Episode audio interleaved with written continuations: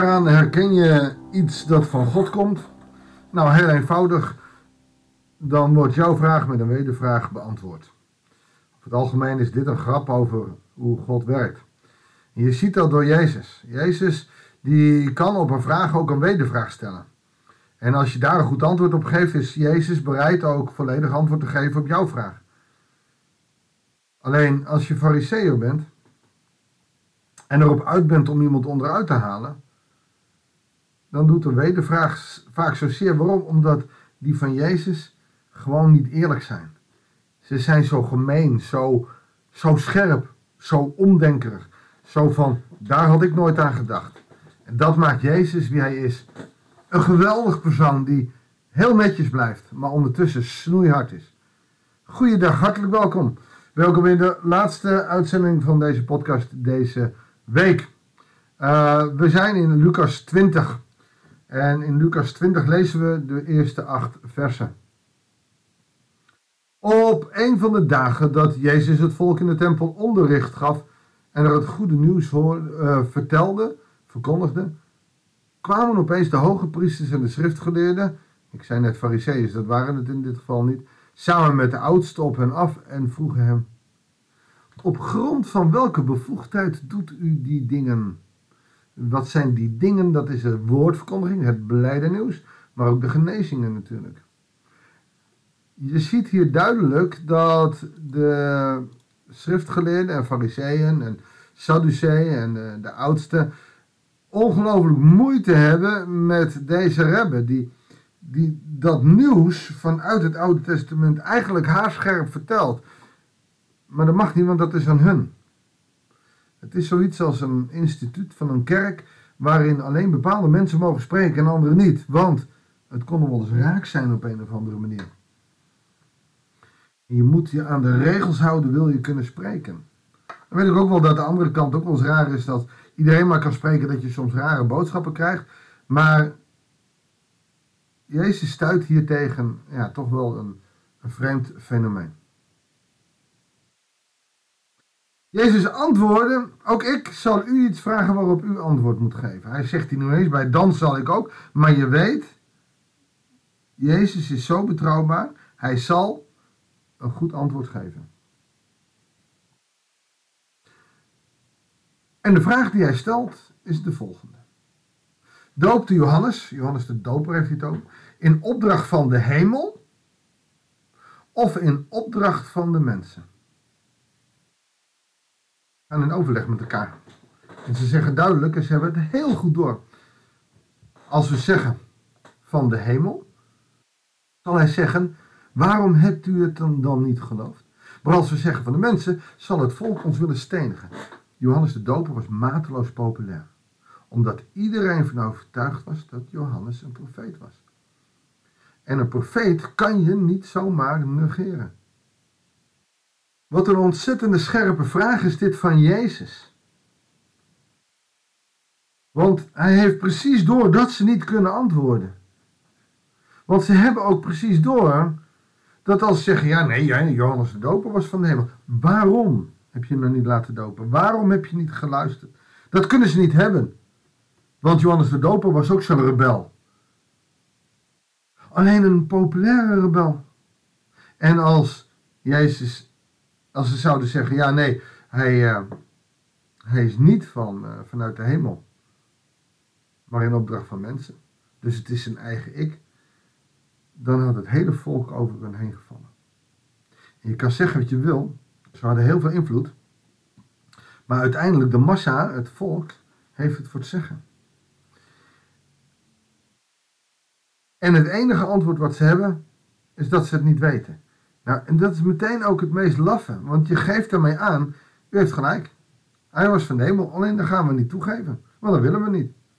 en dat is natuurlijk heel triest, dat ze niet willen toegeven dat Jezus gelijk heeft, dat ze niet willen toegeven dat Johannes de Doper gelijk had, niet willen toegeven dat Nee, waar zij aan vasthouden is de traditie. Zo hebben we het altijd gedaan. En zo'n rebel daar in de rivier de Jordaan, die loopt te schreeuwen en te tetteren, dat moeten wij helemaal niet. Maar zo is het ook in kerken. Als iemand net even iets anders spreekt, spreekt of, maar wel een duidelijke boodschap, dan wordt het lang niet altijd ontvangen als iets positiefs. En het gek is, hoe dichter iemand bij de waarheid zit, hoe harder het effect is van, ja, nou ja, ik weet het niet hoor, zo hebben we het nooit gezegd. Zo hebben we het nooit geleerd. Op het moment dat er iemand komt met een overtuigend iets waarvan we denken, ja, daar kunnen we eigenlijk niet tegenin, dan zijn dat soort redenen de excuses. Zo hebben we het nooit gedaan, dus zo zullen we het ook nooit doen. En je ziet dan, net als de schriftgeleerden hier, dat ze in een spagaat zitten. Dat ze eigenlijk zeggen, ja, dat weet ik niet. We hebben in onze gemeente een, nou, een pittig gesprek gehad voor afgelopen seizoen. En we gaan ook uh, pittige gesprekken aan het komende seizoen. Niet om eruit te komen, maar eigenlijk een gesprek om, het, om een goed gesprek te hebben zonder het met elkaar eens te hoeven zijn. Goed naar elkaar luisteren en uit elkaar mogen gaan door het niet eens te zijn. En dat is ja, heel moeilijk voor ons. Want wanneer we, net als de schriftgeleerden dan, uh, vast komen te zitten, ja, de argumenten die de persoon gebruikt, is zijn dobbelsteken. Ik zal een voorbeeld geven. We hebben hier uh, een, een, discussie gehad over de vrouw in het ambt. Uh, nou, inmiddels uh, zijn die toegelaten door het ambt. ik kom uit de PKN, dus ik had zoiets, woe, nou pas. Maar goed, even, even buiten dat. we hebben dat ontzettend zorgvuldig aangepakt. Er zijn heel veel bijbelstudies geweest. waarin mensen zich konden verdiepen in, in de rol en de positie van de vrouw in de Bijbel.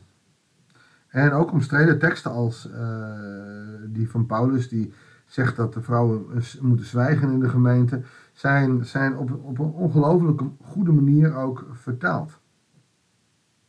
En dan toch hoor je bij mensen die er moeite mee hadden, dat ze geen argumenten tegen hebben, maar zoiets hebben, ja, maar zo hebben we het nooit gedaan.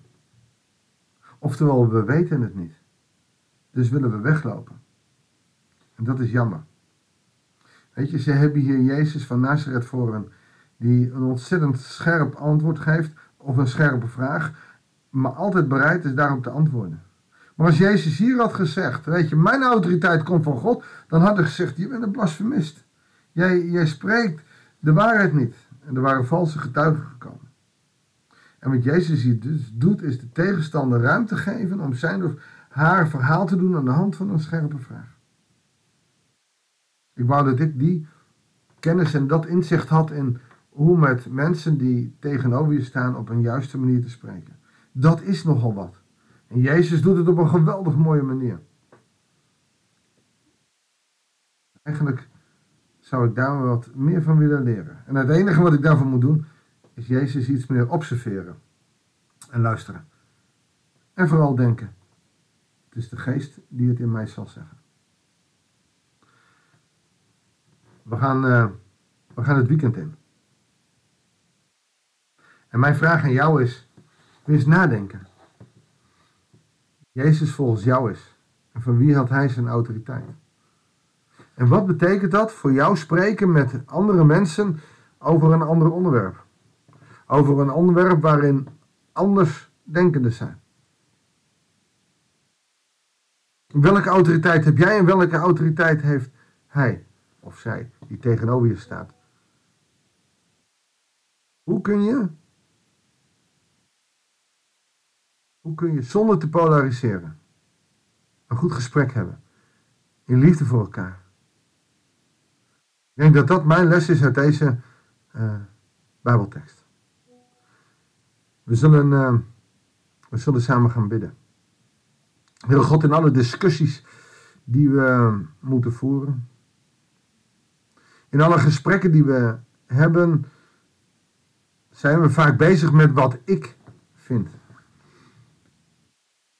En zelden in uw gesprekken gaat het erom wat u vindt, Heere God. U weet met een wedervraag of teksten uit de Torah de anderen altijd de mond te snoeren. Want dan gaat het om wat God vindt.